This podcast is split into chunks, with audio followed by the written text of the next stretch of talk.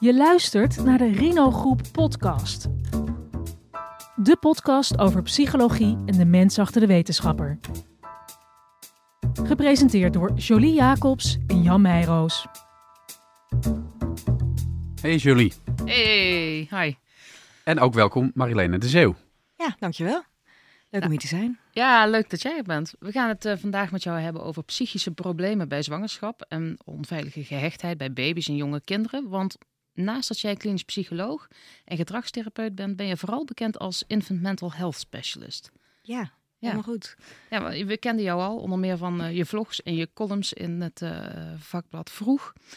Even maar meteen kort erin. Met wat voor soort problemen komen mensen bij jou terecht waar die onveilige hechting de oorzaak van blijkt te zijn? Dat is een heel uh, breed arsenaal mm -hmm. aan problemen. En als infant health specialist ben je vooral bezig met situaties rond geboorte, na geboorte. Min 9 tot en met 5 jaar. Sommigen zeggen nee, nee, nee, tot en met 3 jaar. Um, en sommigen zeggen ja, die min 9 tot en met 0 maanden, die hoort er eigenlijk niet bij. Dus er zijn heel veel definitiekwesties. Mm -hmm. Maar dat maakt mij niet heel veel uit. Er is heel veel stress en zorg rond geboorte en bevalling. Bij moeders hun lijf verandert. Uh, ze gaan zich allerlei dingen afvragen. Um, hoe kwetsbaar ben ik? Hoe kwetsbaar is mijn baby? Um, dus dat zijn heel veel vragen die door de hoofden van moeders heen gaan. En hun partners doen daarin gewoon mee. Die bewegen eigenlijk mee en die doen dunnetjes mee, wat er ook vaak in de moeder aan de hand is. Dus die vragen zich dezelfde dingen af. Vaak wat vertraagd en ietsje later. Dat mondt allemaal uit in de geboorte, wat natuurlijk een ongelooflijk bijzondere, complexe, prachtige, uh, soms ook verschrikkelijke gebeurtenis is in de levens van uh, gezinnen, waarin ja, er heel makkelijk uh, dingen ja, net niet lekker lopen of verkeerd gaan. Mm -hmm. Dat hoeft natuurlijk niet. Ja, ik heb natuurlijk een beetje een beroepsmatige bias. Ik zie, ik zie en hoor heel veel verhalen van mensen die van hun roze wolk zijn afgevallen. Ongelooflijk teleurgesteld zijn, heel veel stress en zorg hebben gehad, omdat ze weken op de NICU, de neonatale intensive care voor jonge kinderen, voor babytjes, hebben gekampeerd om ja, daar ook af te wachten en mee te leven met een jonge kind, ja, of die het overleeft. En dan start jouw leven als gezin ongelooflijk stressvol. Zijn er, zijn er even gewoon getallen bekend? Hoe vaak het, want, want je hoort inderdaad vaker dat het wel goed gaat dan dat het niet goed gaat natuurlijk. Ja, eventjes een snel getal is bijvoorbeeld postnatale depressie of perinatale depressie. Ja, 10 tot 20 procent van de ouders maakt er, ja, voldoet op enig moment aan de kenmerken van, uh, van een depressie. Nou, vind ik echt heel veel. Dus gewoon ja. 1 op de 5 dames. Ja, kijk op een verjaardagsvisite maar even om je heen. Dus het is eigenlijk helemaal niet zo normaal dat nee. alles gewoon als een zonnetje verloopt. En er is ook heel veel eenzaamheid daarnaast erbij. En dat raakt mij altijd wel heel erg, omdat uh, ja, dat natuurlijk gewoon pijnlijk is dat je en je rot voelt en dan ook nog denkt dat jij de enige bent die dat overkomt. Uh, of jij de enige bent die zo bezorgd en zo gestrest is geweest over het welzijn van je kleine baby die er net is of nog net niet is, maar waar iedereen zich heel erg zorgen over maakt. Het is algemeen bekend dat jouw uh, centrale zenuwstelsel al vroeg in die zwangerschap wordt aangelegd. En je hebt wel eens gezegd in interviews dat dat heel belangrijk is om je dat te realiseren. Waarom? Ja, nou, dat vraagt zo'n klein beetje uitleg. Ja, het is natuurlijk ongelooflijk fascinerend om te volgen hoe een foetus zich ontwikkelt in die periode in de buik. Dat gaat in een razend tempo. Worden ja, organen aangelegd, ontwikkelen functies zich. En ook heel belangrijk, ontwikkelt het brein en ontwikkelt ook het tweede brein. Hè, het hele uh, um, spijsverteringsstelsel ontwikkelt zich. En in die periode weten we inmiddels uit heel veel onderzoek dat heel veel heftige stress, ja, dat dat invloed heeft op ja, de start uh, na de geboorte. Dat dat uh, ja, lastiger is, dat uh, kinderen daarmee risico lopen op een minder optimale start dan uh, op het moment dat er gewone stress was. Ik maak er altijd heel veel verschil in gewone stress en langdurige, heftige stress, omdat ik weet dat heel veel ouders snel bezorgd zijn en denken: oh, iedereen maakt omstandigheden in het leven mee, ook tijdens je zwangerschap. Mm -hmm. Zo is dat. Ja. Um, en dat is ook goed, want op het moment dat je groeit in de buik, ben je aan het voorbereiden op het leven uh, ja, na de bevalling als babytje. En in die periode uh, zijn er allerlei mechanismes waardoor die baby eigenlijk al input opdoet, informatie opdoet over hoe het leven buiten de buik zal zijn. Dus Zoals?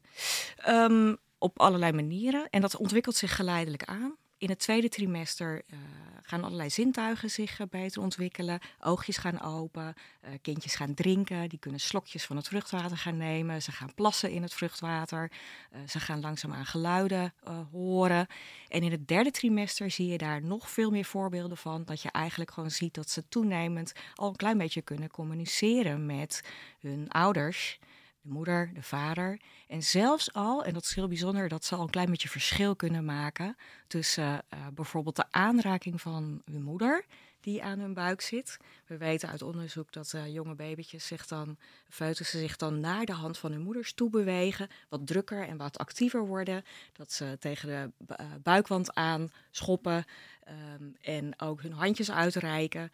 En uh, tegelijkertijd, op het moment dat de vader dat doet, dat ze dat ook doen, maar dat ze dat toch op een net iets andere manier doen ten opzichte van de moeder mm -hmm. en ook ten opzichte van een vreemde. En we weten bijvoorbeeld. Er zitten ook, echt gradaties in. Ja, en dat is zo fascinerend om daarover na te denken.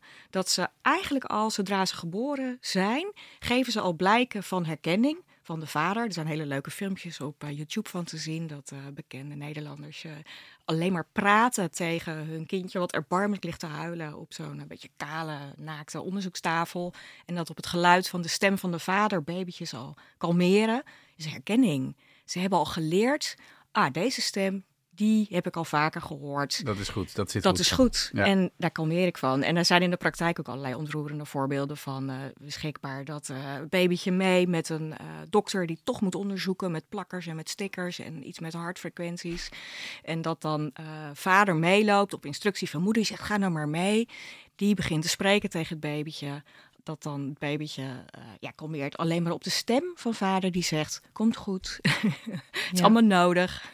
Maar goed, dan ga, ja. dan ga, je dus uit van, uh, ja. van twee ouders die uh, heel relaxed in de wedstrijd zitten. Stel nou dat de moeder heel erg, uh, nou zeg maar, goed in de wedstrijd zit, maar die vader is heel gestrest tijdens de zwangerschap. Is, neemt zo'n baby dat dan ook, slaat hij dat dan ook op? Ervaart hij dat op enige manier? Ja, ik denk, ja, baby's worden in vrouwen geboren. Of die groeien in vrouwen, zeg maar. Dus ik denk dat ze het meeste meenemen van uh, moeders. Ik moet deze vraag even schuldig blijven. Ik weet niet direct onderzoek uh, wat hiernaar heeft gekeken. Wat ik me wel kan voorstellen is een indirecte invloed. Uh, ja, stress komt zelden alleen, heeft ook invloed op, uh, op, op het gezin. Ja. Dus als er veel stress in een gezin is, dan heeft dat weerslag op, op beide. En op die manier ook uh, op, op, uh, ja, op de moeder. En op die manier komt dat ook bij de baby via verschillende mechanismes. Je hebt natuurlijk de navelstreng. baby proeft zelfs stofjes die in de in de baarmoeder, uh, in het vloeisel van de baarmoeder zijn. Maar waar moet ik aan denken? Hormonen?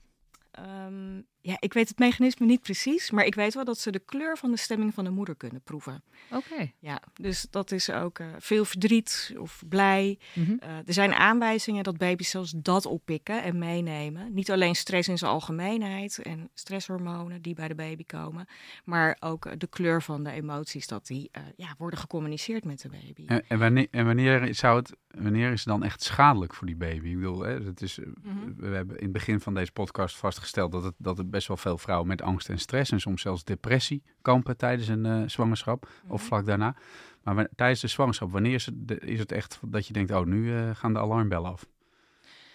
Um, ja, ja dat... weet je, al die baby sites die zeggen altijd van, uh, ja, stress hoort erbij. En nou, weet je, ik heb ze ook allemaal toen gelezen. Dus ja, dan, dan denk je ook op een gegeven moment, ja, maar wat is dan nog gezond en wat is dan nog ongezond, zeg maar. Ja, ja, dat is natuurlijk lastig. Het zou fijn zijn als daar gewoon een heldere indeling van is. Dat is niet zo, want het is natuurlijk een complex geheel van risicofactoren, afgezet tegen bufferende factoren, zo noemen we dat. En ook op het moment, um, ja, we hebben allemaal wel een risicofactor die we bij ons dragen, één of meer. En wat is de impact daarvan op, op het verloop van die, nou, van die zwangerschap en zeg maar de fysieke ontwikkeling van zo'n kind? Ja, dat gaat ook wel weer over ja, hoe creatief ben je om daarmee te dealen. Lukt het jou om een plan te maken, om je omgeving bij jezelf te betrekken? Ehm, en als jij bepaalde kwetsbaarheden hebt in, in jouw functioneren, lukt het om dat een beetje te bufferen. Tijdens de zwangerschap weten we, er is heel mooi onderzoek, dat uh, als mensen structureel aan mindfulness doen, angstige mm zwangeren, weten we dat dat bijvoorbeeld geboortecomplicaties vermindert. En dan heb je het over preeclampsie, help? Um, bijvoorbeeld, maar ook uh, uh, of er een keizersnede uiteindelijk plaatsvindt, of een knip, of dat er met hulpmiddelen bevallen moet worden, wat altijd minder fijn is voor baby en moeder en partner die ook dit vaak staat aan te kijken. Ja, dat vergeten we vaak, maar vaders zien ook een hele hoop en vinden ook een hele hoop en vinden dan ook vaak nog dat ze het achter hun kiezen moeten houden. Dus ik probeer ook altijd goed op vaders te letten. Maar goed, um, Um, en ook daarna, daarna weten we ook uit ander wetenschappelijk onderzoek. Stel, het was een draak van een zwangerschap. Heel veel aan de hand op allerlei levensdomeinen. Dat is niet één ding, maar van alles. Uh, ook daarna weten we dat het zin heeft om bijvoorbeeld je te laten helpen en ondersteunen met de ouder-kindrelatie. Dat mm -hmm. buffert op het moment dat het jou lukt om een fijne, afgestemde relatie met je baby te ontwikkelen. Al dan niet met hulp van omgeving of een hulpverlener. Ja, dat buffert weer voor de stress die er eerder was. Dus dat is natuurlijk ook fijn nieuws. Dat als er dingen zijn gebeurd, dat dat ook herstelbaar is. Of dat je daar weer ja, van kunt bijkomen. En als het jou lukt om je te laten helpen, weten we ook dat dat buffert voor de periode van extreme stress in de zwangerschap is een onderzoek van Anouk de Bruin, uh, die erop gepromoveerd is. Uh, moeders die zich laten helpen door mm -hmm. hun omgeving, die eens een wasje voor zich laten doen, die zorgen dat ze kunnen pitten tussen de middag en uh, dat schoonmoeder even met de baby gaat wandelen, dat je net dat uurtje extra bijslaapt. ja, dat helpt gewoon om je veerkrachtig te voelen, je gesteund te weten en ook gewoon ja, je resources breiden uit. Je hebt net wat extra bij te zetten. Uh, in zo'n kwetsbare situatie. Ik vind trouwens dat alle jonge ouders zich beter moeten laten helpen hoor. Ik vind dat we in Nederland een cultuur groot houden waarin je het met je kleine kerngezinnetje moet fixen. Nou, dat is niet hoe het ooit bedoeld was. Echt niet. En is het ook niet wenselijk? Mm, nee, ik vind echt dat het goed is als jonge gezinnen zich omringd weten met hulptroepen.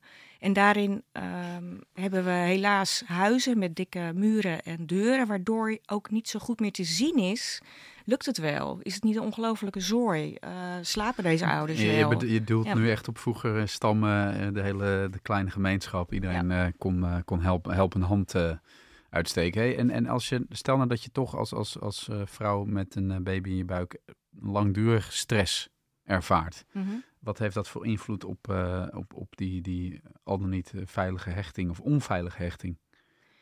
Nou ja, je, je, loopt iets meer risico inderdaad op zo'n onveilige uh, gehechtheid, op een oude-kindrelatie die minder is afgestemd. Um, je, je, hoort, je, hoort, me voorzichtig formuleren. Ja, want uh, waarom dan? Maar dat hoeft niet, maar die kans is groter. Um, uh, ja, dat heeft ook te maken met dat complexe samenspel. Stel je voor, um, heel veel stress. De bevalling was ook niet helemaal fijn. Dat liep anders dan gewenst. Je verloor het gevoel van grip. Um, er werd met je gedaan in jouw beleving. Um, je baby is na de bevalling meegenomen, want ook dat was niet helemaal fijn. Nou, dat noem ik al een soort cascade aan kleine gebeurtenisjes. Ja, dat kan er zomaar voor zorgen dat um, nou ja, dat moment van het gevoel van dit is mijn baby en wauw, uh, ja, dat dat uitblijft of er niet gelijk is. Of dat je eigenlijk vrij begoocheld daar in bed ligt en denkt, nou was dit het nou allemaal? En uh, ik heb dat gevoel helemaal niet. En dat je dan eh, begint met piekeren en zorgen maken. En je ziet dat je partner het wel lukt en dat je denkt, nou doe jij maar. jij, jij bent lekker aan het buidelen, blote huid op blote huid. nou, ik hoef even niet hoor, ik ben wel klaar. Uh, stel dat wordt niet opgelost op de een of andere manier. Dat dat niet zich herstelt. Dat er zo'n moment komt van. Oh, dit lieve schatje, dit, die, die, is van mij. Ik, ik ben die moeder en dit is mijn kind. Dat. Ja, dat, dat kan zomaar door blijven rommelen. En bij, en bij die baby dan? Want, want nu hebben we het eigenlijk voornamelijk ja. over uh, het gezien vanuit uh, de moeder. Maar hoe zit dat dan vanuit die baby? Ja, dat is ook een hele interessante en een hele mooie en goede vraag. Die in mijn ogen vaak te weinig wordt gesteld nog. Want dat is heel tof om het vanuit alle perspectieven te bekijken. Ja, wat betekent het voor die baby om een moeder te ontmoeten die wel haar best doet. Ik zie heel veel ouders die heel erg werktuigelijk zich blijven inzetten. Maar ja, waarin dat gevoelsmatige stukje eigenlijk achterblijft. Maar is die onveilige hechting, zit dat eigenlijk altijd bij de ouders? En zit dat, of kan dat ook um, ontstaan bij de baby zelf? Ehm, ja, e-, even, even, het gaat ook even over begrippen. Ja, ik vind het woord gehechtheid vind ik soms zo groot. Ouders gaan er ook vaak heel erg mee aan de haal. Hechting. Ehm, ik heb het liever over relaties die zich vormen. Mhm. Net zoals wij ook relaties hebben met een groep van mensen om ons heen. En dat is heel dynamisch. Um, dus, uh, en dat is fijn. Hè? Soms ben je, met, ben je met de ene vriendin even wat closer, omdat je meer onderwerpen deelt dan met de andere vriend, waar je meer mee, dingen mee doet. Het zijn allemaal verschillende relaties, verschillende kleuren. Afhankelijk van de fase van je leven ben je daar dikker mee of gewoon, uh, ja, houden jullie van elkaar, maar even niet zo intens. Ja, zo is het ook in het leven van een baby. Die heeft eigenlijk een groepje, een clubje uh, betrokkenen nodig. Mhm. Grote mensen, kleine mensen, broertjes, zusjes, opa's, oma's. Uh, kinderopvang, die speelt ook een rol in de levens van baby's. Waar ze ja, um, uh, fijne relaties mee aangaan. Met allemaal hun eigen kleur. En, um, uh, en dat kan wisselen. Dus op het moment, stel hè, dat voorbeeld van net, die moeder die nog niet helemaal is aangehaakt, die gewoon nog helemaal ligt bij te komen van de gebeurtenissen, die dat niet onmiddellijk heeft. Ja, met twee, drie maanden kan, ze, kan dat wel gerealiseerd zijn. En misschien met goede hulp of, of een, een moeder die uh, beseft, dit gaat niet helemaal lekker en meid, wat is er aan de hand? Uh, vertel eens eventjes. Of met uh, hulp van hulpverleners die daarin helpen op het moment dat het toch heel lastig is of heel taai is. Of dat, uh, ja, dat de omgeving het lastig vindt om daar goed op in te tunen van wat is er aan de hand. Ja, dan kan dat herstellen. Het kan ook weer goed komen. Mm. En dat betekent dat um, een afgestemde, betrokken relatie is fijn.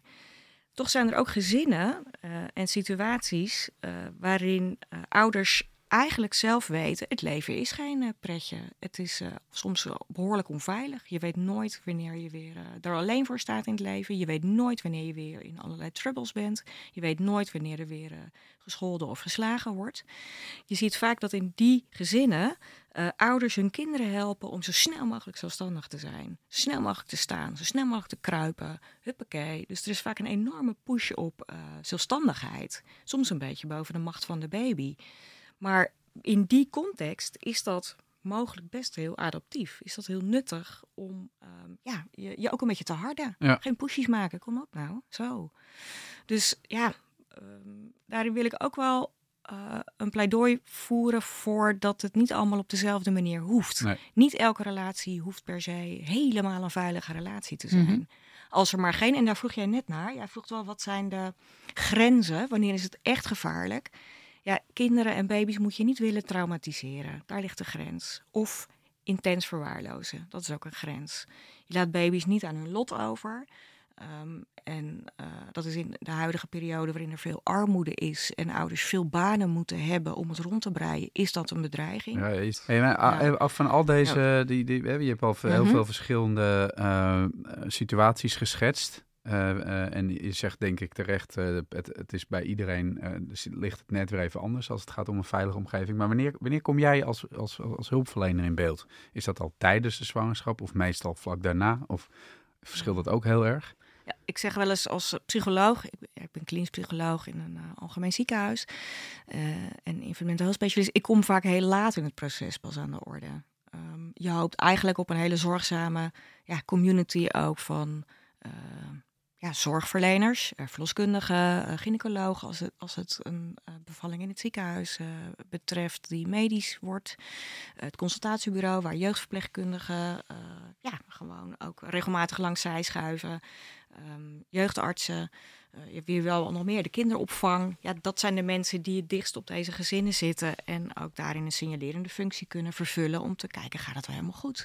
Deze moeder kijkt alweer zo verdrietig en treurig uit haar ogen bij het ophalen van haar uh, jonge kind.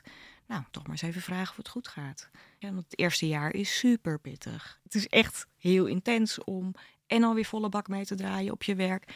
En uh, een baby en een kind erbij. Daarin hebben we in Nederland ook een klein beetje achterstand, eerlijk gezegd. In ja, gewoon zorgzame oplossingen. Meer ruimte bieden en gunnen aan gezinnen om ja, gewoon die nieuwe wereldburger weer een plek te geven. En ook al dat slaaptekort een beetje op te vangen. Want er wordt heel Heb weinig je het dan geslapen. over het verlof?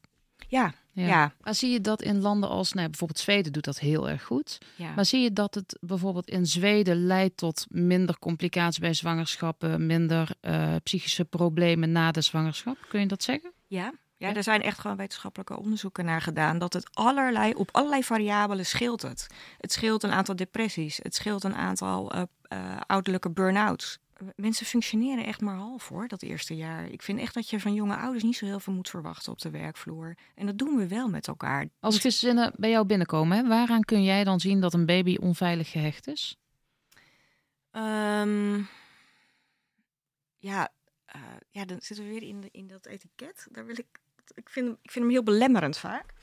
Uh, als er mismatches zijn tussen een ouder en een kind, um, dan, dan zie je dat op allerlei levels. En dat zit in de hoofden van de mensen, dat zit in de hoofden van de ouders. Ik bedoel, die, de, het hoofd van de baby kunnen we helaas nog niet. Uh, mm -hmm. ja, het is lastig om daar toegang toe te krijgen. Maar ouders vertellen daarover. Ze zeggen dat het niet goed voelt als ze durven, zodra ze zich vrij en open genoeg voelen. Uh, in, in het gedrag van uh, ouder en kind zie je dat er ook veel mismatches zijn, weinig contact, afwenden van blikken. Um, um, als het bijvoorbeeld tussen moeder en uh, kind niet lekker loopt, moeder en de baby, dan zie je dat er veel interacties via vader lopen, die dan ook een beetje in het gat springt, als het ware. Ja. Uh, er een beetje tussen raakt. Um, veel ongemak. Uh, Regulatieproblemen? Ja, ja dat, dat, daar kan het toe leiden. Dus veel huilen ja, gewoon chronisch ontevreden zijn, driftbuien al vrij jong en vrij vroeg of heftige driftbuien. En ja, dat is, zijn vaak signalen dat er van alles aan de hand kan zijn. Daar kan ook een chronisch patroon van ja, mismatches met ouders onder zitten, uh, te weinig contact of ingewikkeld contact. Maar stel, er komt zo'n gezin binnen. Um, er is een uh, babytje van uh, zeg uh, 9, 10 maanden oud bij. Lijkt me heel lastig om zo'n baby te behandelen. Wat, hoe pak je dat aan? Ja, ja niet zittend aan tafel met een, uh, met een uh, nee. invulboekje. Nee. Nee. nee, dat gaat niet. Maar hoe dan wel? Nee, ja, dat is natuurlijk ook wel um, het leuke en het uitdagende. In ieder geval, ik ben er destijds helemaal uh, van aangegaan. Omdat het echt betekent dat je op een andere manier moet werken als hulpverlener. Um, minder verbaal ja, wij zijn natuurlijk als uh, hulpverleners erg gewend en geneigd om het verbale gesprek met elkaar te hebben. Dat is hulp. Van oudsher Freud zat met mensen te praten. Ja, zo, dat is ons klassieke beeld van wat uh, therapie is. Terwijl, um, ja, met baby's ja, kun je wel praten, maar dat werkt anders. Je moet veel meer kijken. Je moet veel meer observeren, ouders uitnodigen om te observeren. Dus ik zit liefst en bij voorkeur op de grond. Dat is de klassieke infant mental health psychotherapie opstelling. Okay. Um, op de grond, want dat maakt eigenlijk alle partners die in de kamer zijn het meest gelijkwaardig. De baby van tien kan zelf bepalen naar wie die gaat, naar wie die kruipt. Um, en maakt hem een levendiger gesprekspartner dan op het moment dat hij vastzit in een uh, maxicosi of wandelwagen. Ja, dan kan hij niet zoveel. Dus mm-hmm. op de grond zitten maakt, uh, uh, geeft de baby de beste mogelijkheden om zelf te kiezen met wie die interactie aangaat, wat hij duidelijk maakt in zijn gedrag of in zijn, in zijn lijf. En uh, ja, zittend op de grond met ouders, um, ja, zijn we in gesprek over, over hun zorgen. En tegelijkertijd probeer ik ook het momentum te creëren in het hier en nu. Om dat waar ze het over hebben, ja, ook om met elkaar te gaan kijken hoe dat in het hier en nu is van de Kamer.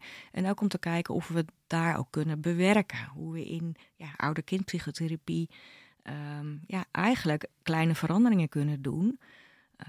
Um, om te zorgen dat uh, met mismatches matches worden.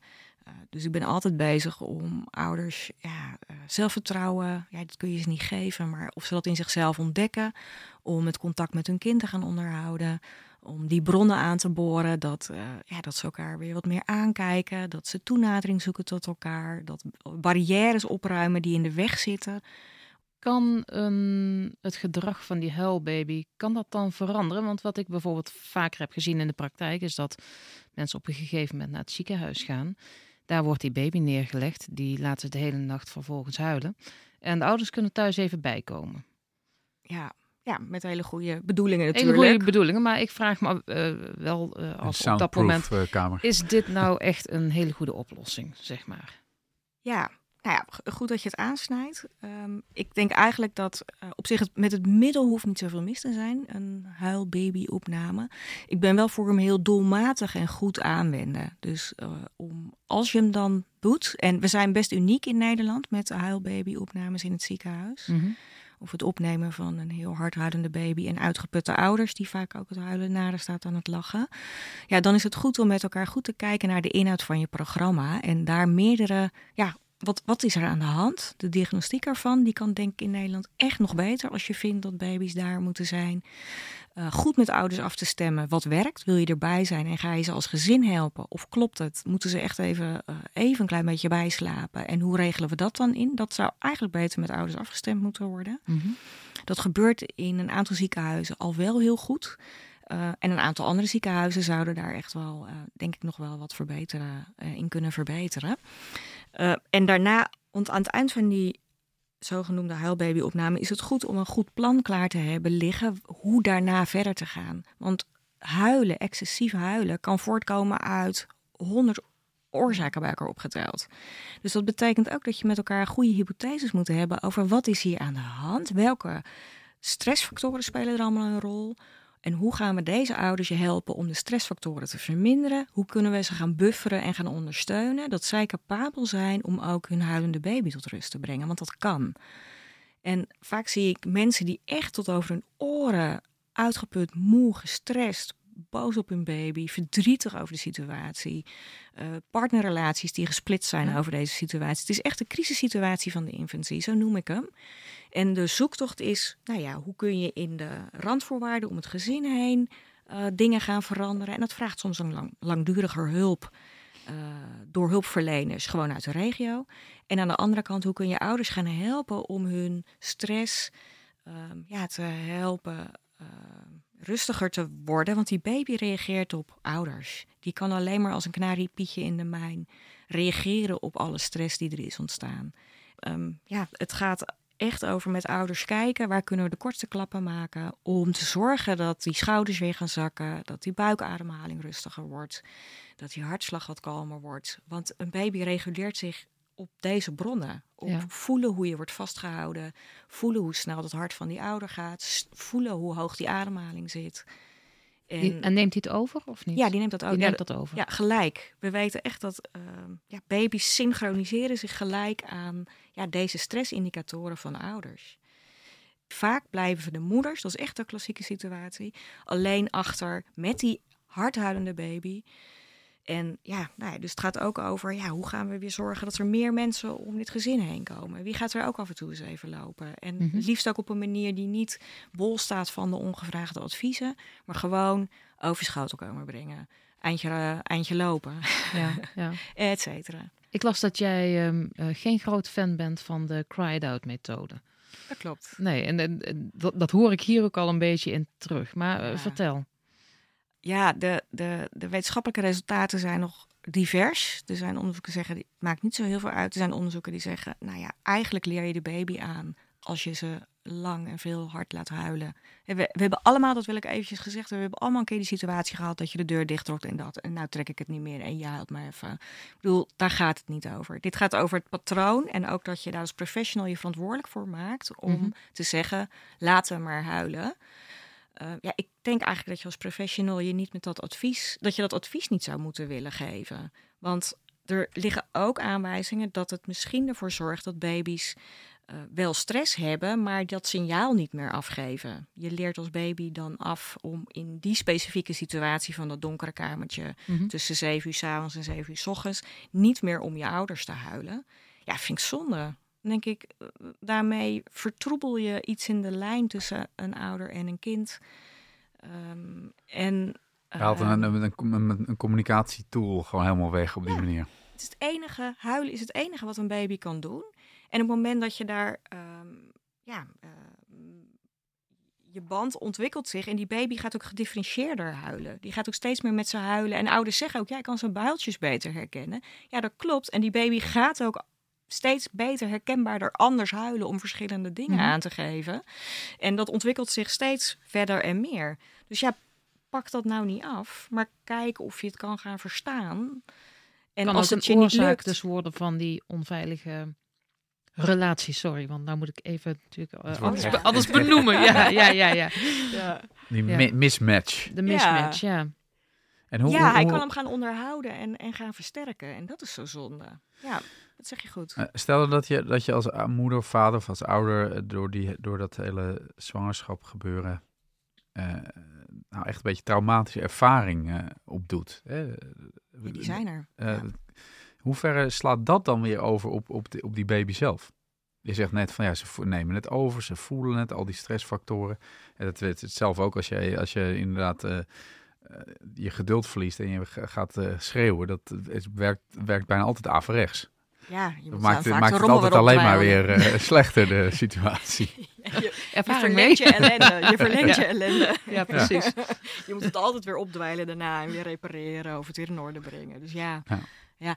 Ehm, op het moment dat je... ehm, ja, Claire Stramrood heeft daar heel mooi werk in verricht. Die heeft recent ook een hele mooie eh, richtlijn uitgebracht over PTSS eh, eh, rond de geboorte, zeg maar. Dus als je meer wil weten, lees die richtlijn. Het helpt echt je handelen in de praktijk verbeteren. Ehm, ja, het heeft invloed. En tegelijkertijd weten we ook dat ouders met een PTSS... dat kan doorcijpelen in de kleur en de manier van opvoeden.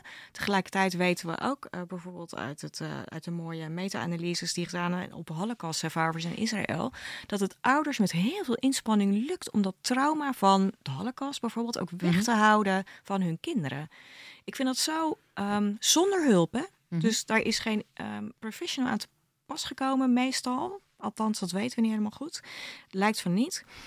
Ehm, dat het lukt om je PTSS-klachten, waar je zelf van wakker ligt, situaties die door je hoofd spelen, waar je nachtmerries van hebt, waar je hyperarousal van hebt, om dat toch, eh, om je kind daarin af te schermen en hem of haar zo goed als dat in je mogelijkheden ligt, toch een relatief onbezorgdere jeugd te geven dan eh, het jou is. Ja, dan dat jij zelf hebt meegemaakt. Tegelijkertijd, ehm, ouders met een posttraumatische stressstoornis, gemiddeld genomen, zijn vaak wat bezorgder. Eh, zitten vaak ook ja, sneller in de situatie. Bijvoorbeeld op het moment dat er ehm, dat mensen eh, rond de bevalling echt iets heel naars hebben meegemaakt, angst voor overlijden even hebben gehad in die hele bevalsituatie. Het is heel voorstelbaar en die kom ik veel tegen. Hoeft niet, maar ik zie soms wel dat thema's rondom verlating door blijven spelen. Mhm. Dus eh, dat het lastig is om je kindje achter te laten in een Ja. donkere kamer. Want dan hebben ouders het gevoel, ik laat hem nu in de steek of ik laat hem nu achter. Eh, dat zijn En, vaak dan en de kan dat kind het dan overnemen? Dus dat, he- dan heb je het over verlatingsangst in principe. Ja. Ja, maar kan, Ja. kan een kind ook de verlatingsangst op dezelfde manier overnemen en de gevolgen daarvan ervaren? Ehm, ja, op het moment dat je... Ja, Dat, hij, zich- dat hij zich dus Ja. eh, snel verlaten voelt. Ja, Ja. Ja, ja dat, het is een wisselwerking. Deze, stel dat dit patroon gaande is, dat je als moeder bij elk afscheid ja, de hyperarousal hebt van dit is niet fijn. Eh, met een vage herinneringen aan andere verlieservaringen. Mhm. Ja, dat pikt een kindje op en die past zich daarop aan. En zal dus ook voortdurend leren afscheid nemen is niet tof. Ehm, ontregelt daarop al dan niet. En, Ja. en hoe voorkom je dan intergenerationele herhaling? Dus maar, en dan zowel bij die ouder als bij het kind? dit vraagt altijd om bewustzijn of bewust worden met hulp van anderen, met, met, met goede vriendschappen, maar ook met eh, wellicht een goede hulpverlener op je pad, die met jou meedenkt over ja, hoe op je gemak voel jij je met je kwetsbaar maken. En ook, wat betekent dat voor de relatie met je kind? Heb je Mhm. toch de neiging om traag te reageren op je kind, om vaak signalen af te geven dat je er niet bent? Eh, eigenlijk omdat je zelf het niet prettig of niet plezierig vindt om heel dichtbij of veel dichtbij te zijn in relaties met belangrijke anderen. Ja, en dan heb je wat te kiezen. Wil je dat patroon zo doorzetten of wil je het anders? In jouw eigen leven, maar ook in het leven van je kind. Ja. En nou ja, dat zijn dingen die we ons natuurlijk met elkaar af te vragen hebben. En daar kun je een beetje op bijsturen. Door je daar bewust van te zijn. En ook te denken, ja, ik wil mezelf toch ja, meer exposure geven, om het maar even gedragstherapeutisch uit te drukken, aan nabijheid. Ik ga oefenen met meer nabij zijn. Ik ga oefenen dat met mijn partner, me kwetsbaarder maken. Maar ik ga het ook oefenen met mijn kind. Ik ga, als die mij wat vraagt, eh, ga ik niet zeggen nee straks. Maar dan, dan, dan ga ik proberen om daar gewoon eh, spullen aan de kant en ik doe het. Ehm, en, eh, en ik laat het gevoel van ongemak en het gevoel van overgenomen te worden door de, ja, de behoeftes van mijn kind. Ja, ik onderzoek het en, en ik ga het toestaan dat dat gewoon even zo is. En Ehm, want ik wil het anders. Ik wil mijn kind niet zoals het mezelf is overkomen. Dat ik eigenlijk voortdurend de conclusie moest trekken. Uiteindelijk sta je er zelf alleen voor in het leven. Ehm, nou, ik wil niet dat mijn kind die conclusie gaat trekken als die twintig is. En later nog eens koffie bij me komt drinken om te evalueren. Pap, mam. Ja. ja. toen en toen. toen en toen was ik toch wel veel alleen. Of ik vond het toch wel heel verdrietig dat je zo slecht naar me wilde luisteren. Of eigenlijk nooit tijd had om, uh, om ook even met me te spelen. Of uh, um, ja, met me mee te denken met wat er speelde op school. Ja. En, en, hoe voorkom je dat je niet uh, ook soms uh, de half van de tijd een soort uh, relatietherapeut bent? Dat het opeens over het seksleven van, van die ouders gaat. Terwijl het, je, die komen daar binnen met het gaat niet goed met onze baby. Ja, ja, ja terwijl, het, terwijl het soms daarover moet gaan, ja. zeg maar. Als dat de hete aardappel is. Ja. want ja, ja, dat is natuurlijk een beetje een cliché. Maar ja, natuurlijk heb je momenten nodig waarin je snel ook als partners weer even contact hebt. Dat voedt je ouderschap de kwaliteit van je partnerrelatie zorgt voor de voeding om, om heel veel ook op te offeren in die eerste periode. Zeker die eerste twee jaar weten we gewoon dat de kwaliteit van de partnerrelatie gewoon echt achteruit kachelt. En het herstelt pas na die twee jaar weer een beetje. Dus het is gewoon modder, afzien die eerste periode, inleveren. En dat is voor sommige partners moeilijker dan voor anderen. Maar iedereen heeft ermee te maken met een jonge baby. Dat je gewoon uh, echt denkt, oh ja, wie waren wij ook nog? Oh ja, wij waren er ook nog samen ergens. Nou, avondje oppas en dan, en dan, val je allebei in slaap. Ja. je denkt, dat is eerst. Ja. Wat kun jij als ja. hulpverlener doen om, om relatieproblemen niet te laten escaleren?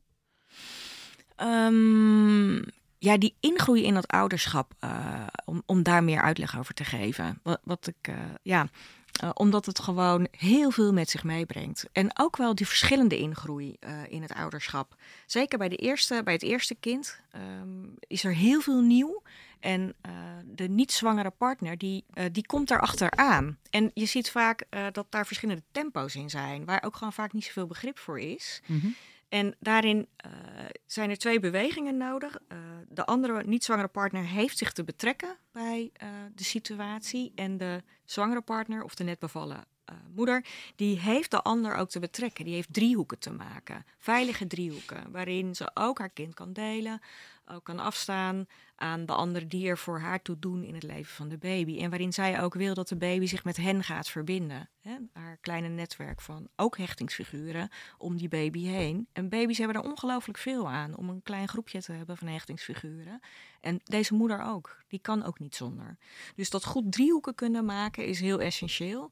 En door dat uit te leggen en ook al die processen ja, um, bespreekbaar te maken uh, ja, kun je mensen ook helpen om het een beetje te verdragen. Dat het gewoon ja, ook een beetje buffelen is in die periode. Stel, hè, het leidt toch tot een scheiding. Ja.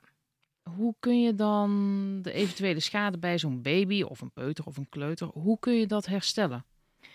Uh, ja, scheiden op zich is niet per se schadelijk we weten dat de ruzies waarmee het gepaard gaat. Wel die vooral schadelijk zijn. Ja, en, De, en de heftigheid daarvan. Ja. Dus hoe dan ook, communicatie is key. Of je nou bij elkaar woont, onder één dak woont, of niet onder één dak woont. Of je co-ouderschap hebt of niet, maakt mij eigenlijk helemaal niet uit. Um, dus um, de zoektocht hoe je kunt communiceren is, uh, is de allerbeste. En investeer daar op tijd in. Op het moment dat jij in je zwangerschap al merkt dat dat wel een dingetje gaat worden. En dat jullie heel veel dingen oplossen door te zeggen jij of ik. Uh, door, door de wegen te splitsen. Dat, is, dat zijn compromissen die nog lukken als er geen baby is. Als die baby er is, moet er altijd iemand bij die baby blijven. Dus de compromissen worden minder. Ja, er moet iets opgelost worden. Je kunt moeilijk denken, nou dan laten we hem toch een avondje liggen. Ja, gaat niet. Ja. Dus begin op tijd. En ik, uh, ik juich ook al die gemeentes toe die daar op tijd preventieve programma's in investeren. Om gezinnen te helpen met uh, communiceren. Uh, en ook dat het psychologische aspect van een gezin zijn meenemen. Niet alleen hoe gaat die bevalling en, en hoe gaat de borstvoeding, of als je dat zou mm -hmm. willen. Maar ook gewoon, er komt heel veel op jullie af. En hoe gaan jullie dat met elkaar doen? En met wie ga je dat doen? En in welke verstandhouding ga je dat doen? Ik las een interview uh, met jou. Het was in het uh, vakblad Vroeg. Um, dat praktijkonderzoek bij jonge kinderen heel erg nodig is. Omdat heel veel van wat jullie doen als infant mental health specialist eigenlijk nauwelijks is onderbouwd. Is dat nog steeds het geval? Ja, echt. Ik wou echt, ik, die pot met geld, die zoek ik. nou ja, ik, ik hoop dat die bij heel veel goede onderzoekers terechtkomt. Om, eh, ja, om, en het is wel complex onderzoek. Dat maakt ook dat sommige onderzoekers zich er lastig aan wagen. Eh, baby's ontwikkelen snel, dus het, het wat makkelijk met vragenlijsten onderzoek doen gaat niet zo simpel. Tegelijkertijd, we hebben op dit moment eh, nou, best heel veel behandelmethodes, maar die hebben allemaal amper evidentie. Hoe of geen dan, hoe evidentie. kom je dan toch tot een goed behandelplan? Eh, ja, met, met, met eh, expert opinion. Dus, dus dat is op dit moment wat we hebben op, op het vlak van heel veel behandelingen. Niet allemaal, maar goed, niet alle behandelingen zijn geschikt voor elke setting. Ehm, Mhm. Maar als het gaat, ja, ik heb jaren in de GGZ gewerkt met eh, ouders en jonge kinderen. Nou, dan is er eigenlijk heel weinig wat evidence-based is en wat goed geschikt is. Een van de voorbeelden is bijvoorbeeld eh preverbale traumabehandeling. Er wordt heel veel gedaan. eh, en er is op dit moment onderzoek gaande, gelukkig, naar deze specifieke methode. Mhm. Maar goed, dat, dat had voor mij tien jaar geleden al gemogen. Want eh, op dit moment is dat een van de meest gebruikte behandelingen bij jonge kinderen. Dus eh preverbale traumabehandeling op het moment dat je bijvoorbeeld een zonde in je neus hebt gekregen. Heel vaak, heel veel. En daar dus allerlei afweerreacties hebt gekregen rondom je mond. Wat Mhm. gewoon je eetontwikkeling beïnvloedt. Dat is een van de bijkomende schades van gered worden door zo'n levensverlengende zonde. Zo'n Maar, maar hoe komt het nou zonde. dat er zo weinig onderzoek eh, wordt gedaan? Want we weten allemaal dat die, die eerste periode, ze zeggen altijd de eerste duizend dagen cruciaal is. Ehm, ja, dat is een gewetensvraag. Ik, ehm, ja, ik zou echt academische werkplaatsen aanmoedigen. Die, eh, die zich lang, eh, Nou, lang bezig gaan houden met de complexe hulpverlening. Is er geen geld voor? Of, als- denk je dat als er veel geld voor komt, dat er, dat er meer, au- automatisch meer onderzoek? Is het een beetje kip-ei verhaal ook? Of? Ja, het is nog een relatief jong vak, infant mental health. Ehm, in de jaren tachtig opereerden we nog zonder verdoving. Toen dachten we nog dat baby's geen binnenwereld hadden, geen belevingen hadden. Ter- Dus nou, dat- ja, ja, ik zie je kijken. Het is nu Oké. eh, 40 jaar verder. En we, vanaf die tijd zijn we ons heel erg ook gaan ontwikkelen. Pas de afgelopen tien jaar hebben de meeste GGZ-instellingen nu een infant mental health team of een infancy team of een team wat zich bijvoorbeeld bezighoudt met jonge kinderen. Maar ja, zo hebben ook nog niet alle ziekenhuizen poppolies bijvoorbeeld. Zo'n eh, spreekuur waar de psychiater, de gynaecoloog en de kinderarts samen snel screenen. Wat is hier aan de hand en welke hulp moet hierin? Dat is ook nog niet eens eh, standaard, zeg maar, in Nederland. Ehm, ja, dat zijn allemaal kleine voorbeeldjes van dat het een zich ontwikkelend veld is. Waarin er ook nog best wel afweer is op eh, dat er dingen met jonge kinderen aan de hand kunnen zijn. We willen met elkaar heel graag geloven dat jonge kinderen veerkrachtig zijn. Dat zeggen we dan ook tegen elkaar, Mhm. maar het klopt eigenlijk voor geen meter. Eh, jonge kinderen zijn uitermate kwetsbaar en veerkracht zit in, in de zorg om een kind heen. En, en de oog en de aandacht voor eh, ja, toch complexe levensomstandigheden waar jonge kinderen al eh, in terechtkomen. In hetzelfde interview zei jij ook dat ehm, jouw onderbuikgevoelens als hulpverlener heel belangrijk zijn, maar dat ze ook weer niet leidend mogen zijn. En toen dacht ik, dat is een soort van koorddansen waar je mee bezig bent. Want je hebt nauwelijks onderzoek waar je op kunt baseren. Je moet je wel dan je onderbuikgevoelens aanspreken, maar niet te veel. Intuïtie? Ja, Ervaring? ja, ja. ja. Dus eh, eh, eh, geef even een voorbeeld van wanneer luister je nou naar, wanneer, wanneer niet. Wanneer weet jij bij jezelf, dit is mijn onderbuikgevoelens zitten, dat zit goed? Of sla ik nu niet net te veel door? Ja, oké, twee dingen. We weten natuurlijk wel veel uit indirect onderzoek. Ehm, dat de relatie ertoe doet dat eh, baby's in de buik al heel veel meemaken, zich eigenlijk voorbereiden op eh, hun leven na de buik, zeg maar. Dus daarvan uit kunnen we wel redeneren dat eh, eh, behandeling eh, ertoe doet. Of dat het nut heeft om goed en zorgvuldig na te denken over wat er aan de hand is in een gezin. En daar dan passende interventies met ouders in uit te zetten. Dat, dat heeft zin. Ehm, maar dat koordansen, eh, op het moment dat je een sterk onderbuikgevoel heeft, ja, dat komt voort uit eh, alle kennis die we hebben over gedesorganiseerde gehechtheid. Dus dat is die vorm van gehechtheid waar trauma een rol in speelt.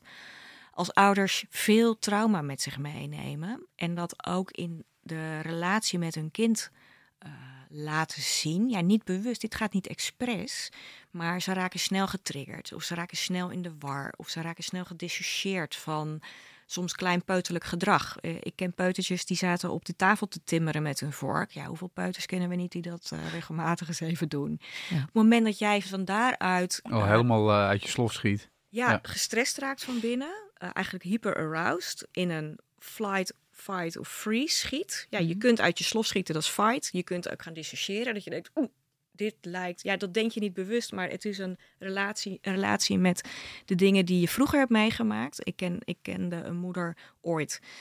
Um, die zei: Ik moest denken aan het geschreeuw van mijn ouders thuis, waar ook uh, slaan met de deuren aan de hand was. Zodra die baby zat te schreeuwen en op zijn tafel zat te timmeren, was zij in één stap terug bij die situaties van vroeger. Ja, doordat um, uh, ja, en op het moment dat zij dan uh, afwezig raakt, ja, ik krijg als toeschouwer daar een naar gevoel van om dat te zien. Het is leuk om veilige relaties te zien. Daar, daar, wil iedereen, daar wil iedereen naartoe. Als je ouders en kind prettig met elkaar om ziet gaan, dat, dat is heel attractief. Je wilt daarbij zijn of je wilt daar onderdeel van uitmaken. Ik word er heel zen van in ieder geval. En ik krijg er uh, lol van in mijn werk. Op het moment dat er onveiligheid in, het, in de kwaliteit van het contact zit, of in die fight, of in die freeze, of in die flight, uh, dan voel je je ongemakkelijk als toeschouwer. Dus om daar alert en attent op te zijn, um, dat, dat dat regelmatig gebeurt op het moment dat jij met een gezin aan het werk bent. Ja, je krijgt een ongemakkelijk gevoel, dan gaan bij jou alarmbel af. Ja, Ik heb geleerd om dat serieus te nemen. En één signaal is geen signaal. We hoeven niet van overal van. van dus, maar op het moment dat jij toch een aantal keer denkt: ah, kromme tenen van hoe deze ouder uithaalde. Of wat, wat... Rare opmerking. Wat een rare opmerking, waar gaat dit over? Of uh, hallo joh, hoe ben je er nog? Dat heb ik soms wel eens bij ouders. Dat ik echt denk, dan zit ik met ze in de kamer of ik zie videobeelden. En dan, denk ik, ze leidt wel weg. Ja. ja. En op het moment dat ik dat, uh, nou, als dat langdurig aan de hand is, dat je echt denkt, ja, je bent gewoon echt even uitgetuned. Ja, dat zijn toch signalen dat er iets met dat stresssysteem aan de hand is. Mhm. En we weten voor baby's dat dat heel verwarrend en onveilig is. En dat je eigenlijk leert op dat moment dat jouw ouder die een bron van veiligheid zou moeten zijn. Want zo ben je bedraad als baby. Maar op dat moment raak jij in de stress en leer je eigenlijk een beetje aan om, om jezelf te redden. Overmatig jezelf te redden en jezelf te reguleren ten koste van je ontwikkeling. Nou, als dat veel en vaak aan de hand is, is dat zorgelijk en vraagt dat om aandacht en ook om signalering van hulpverleners. Dan, eh, dan is het toch niet zo kort dansen? Nee. Nee. Toch? Nee, het lijkt me duidelijk. Nou Marilene, dankjewel uh, voor je komst. Hartstikke fijn dat je er was. Dit was de Rino Groep podcast over hechtingsproblematiek bij jonge kinderen. Te gast bij ons was klinisch psycholoog en infant mental health specialist Marilene de Zeeuw. Al onze afleveringen zijn online te vinden. Wil je meer weten over onderwerpen die betrekking hebben op kinderen? Luister dan ook eens naar de aflevering met Anneke Vinken over gehechtheidsproblematiek bij adoptie en pleeggezinnen. Of naar de aflevering met Jelle Jolles over de ontwikkeling van het tienerbrein. Wil je nou alle afleveringen beluisteren? Ga dan naar onze website rinogroep.nl slash podcast. Of abonneer je op de Rino Groep podcast via jouw favoriete streamingsdienst. Voor nu, bedankt voor het luisteren en tot de volgende keer. Leuk dat je luisterde naar de Rino Groep podcast. Wil je meer informatie over de Rino Groep? Bekijk onze website rinogroep.nl